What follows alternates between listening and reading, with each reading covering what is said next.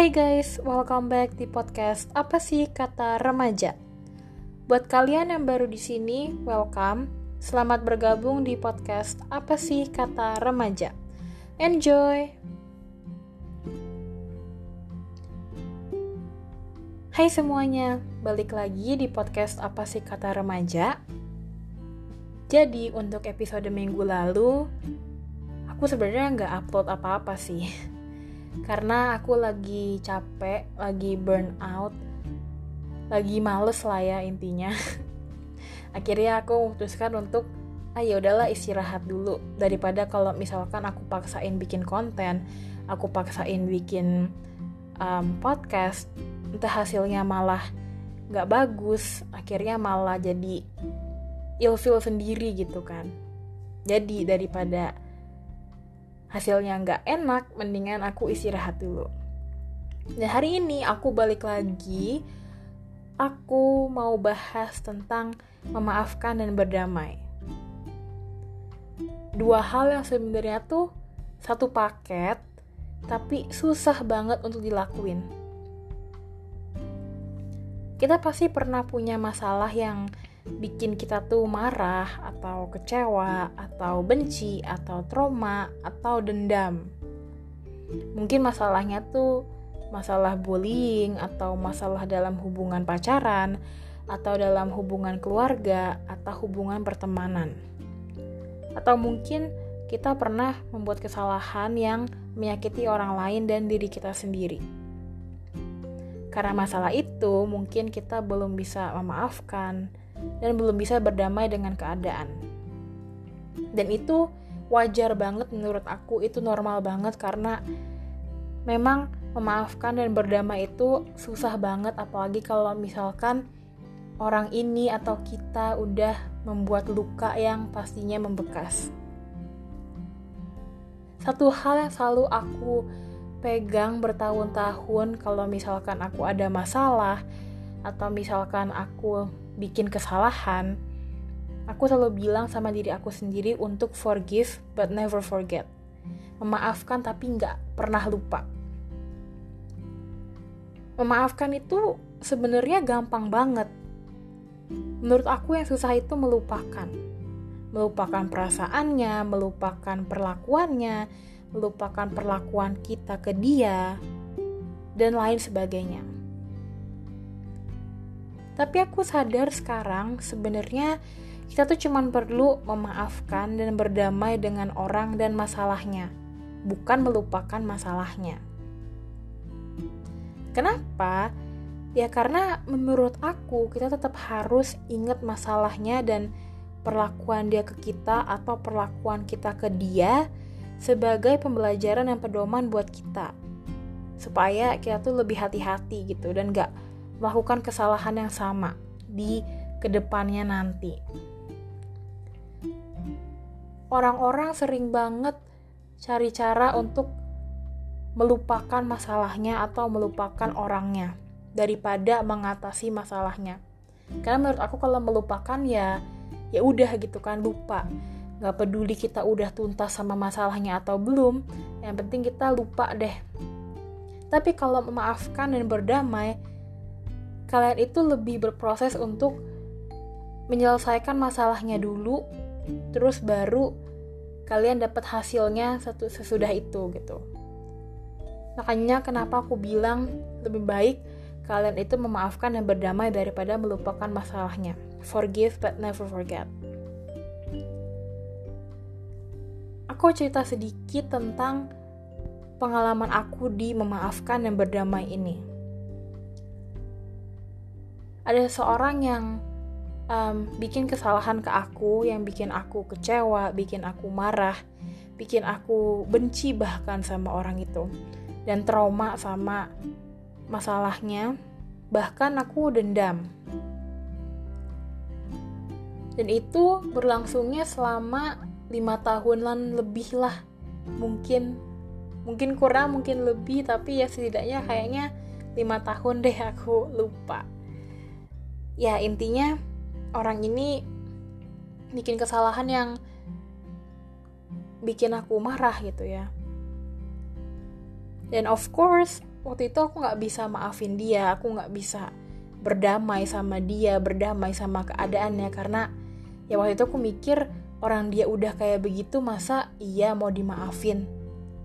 Akhirnya selama lima tahun itu aku nggak suka sama orang ini aku benci sama orang ini aku trauma sama hubungan ini terus aku dendam sama orang ini juga sampai sekitar tiga bulan atau empat bulan yang lalu aku baru sadar kalau misalkan bertahun-tahun itu aku nggak pernah bener-bener enjoy sama hidup aku. Kenapa? Karena aku ngerasa berat, ngerasa ada beban, karena aku nanggung beban kecewa, benci, trauma, dendam, dan lain sebagainya. Dan mulai saat itu aku mulai cari cara supaya um, aku pengen enjoy hidup aku, aku pengen happy, aku pengen lepas, free, seneng dan lain sebagainya. Aku harus cari cara gimana supaya aku udahlah aku lupa aja sama masalah itu buat apa gitu kan. Akhirnya aku um, bikin refleksi lah, terus abis itu juga cari-cari cara. Terus aku baru sadar kalau ternyata aku cuma harus bisa memaafkan orang ini dan berdamai sama masalahnya.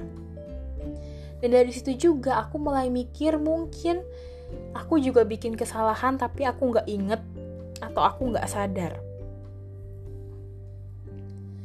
Dan akhirnya aku bisa untuk bilang maaf, memaafkan orang ini dan berdamai sama orang ini dan masalahnya. Dan juga memaafkan diri aku sendiri. Dan itu nggak mudah, itu susah banget mungkin hal yang paling tersulit dalam hidup aku selama 17 tahun itu adalah ngomong maaf dan memaafkan orang lain, berdamai sama masalahnya. Susah banget dan bahkan aku awal-awal mikir kalau itu paling cuman ngomong doang ntar nggak bakalan kejadian juga. Tapi ternyata aku bener-bener bisa maafin orang ini. Aku bener-bener bisa berdamai sama keadaannya, berdamai sama diri aku sendiri. Dan setelah itu aku ngerasa kayak aku lebih happy, lebih free, lebih bebas, lebih lepas, lebih seneng, lebih bisa enjoy hidup daripada tahun-tahun lalu yang aku masih um, nanggung beban kecewa, beban benci, dan beban dendam. Not gonna lie ketika aku lihat dia ketika aku inget sama dia perasaan kecewa itu masih ada. Trauma juga masih ada.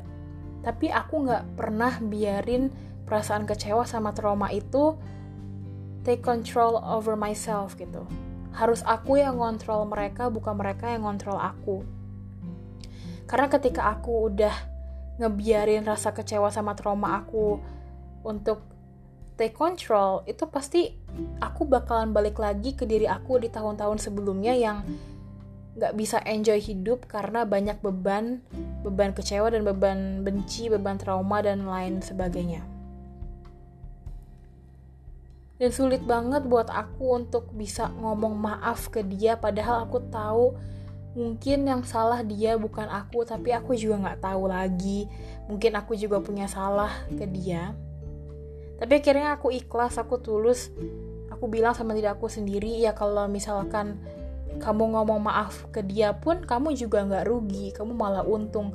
Kamu jadi bisa lapang dada bisa um, mengalah gitu walaupun mungkin bukan salah kita. Tapi setidaknya kamu belajar untuk berdamai untuk memaafkan diri kamu sendiri dan orang itu. Dan akhirnya reward yang aku dapat dari hal itu adalah ya aku sekarang jadi lebih seneng jadi lebih enjoy sama hidup lebih bener-bener ngerasa hidup lah gitu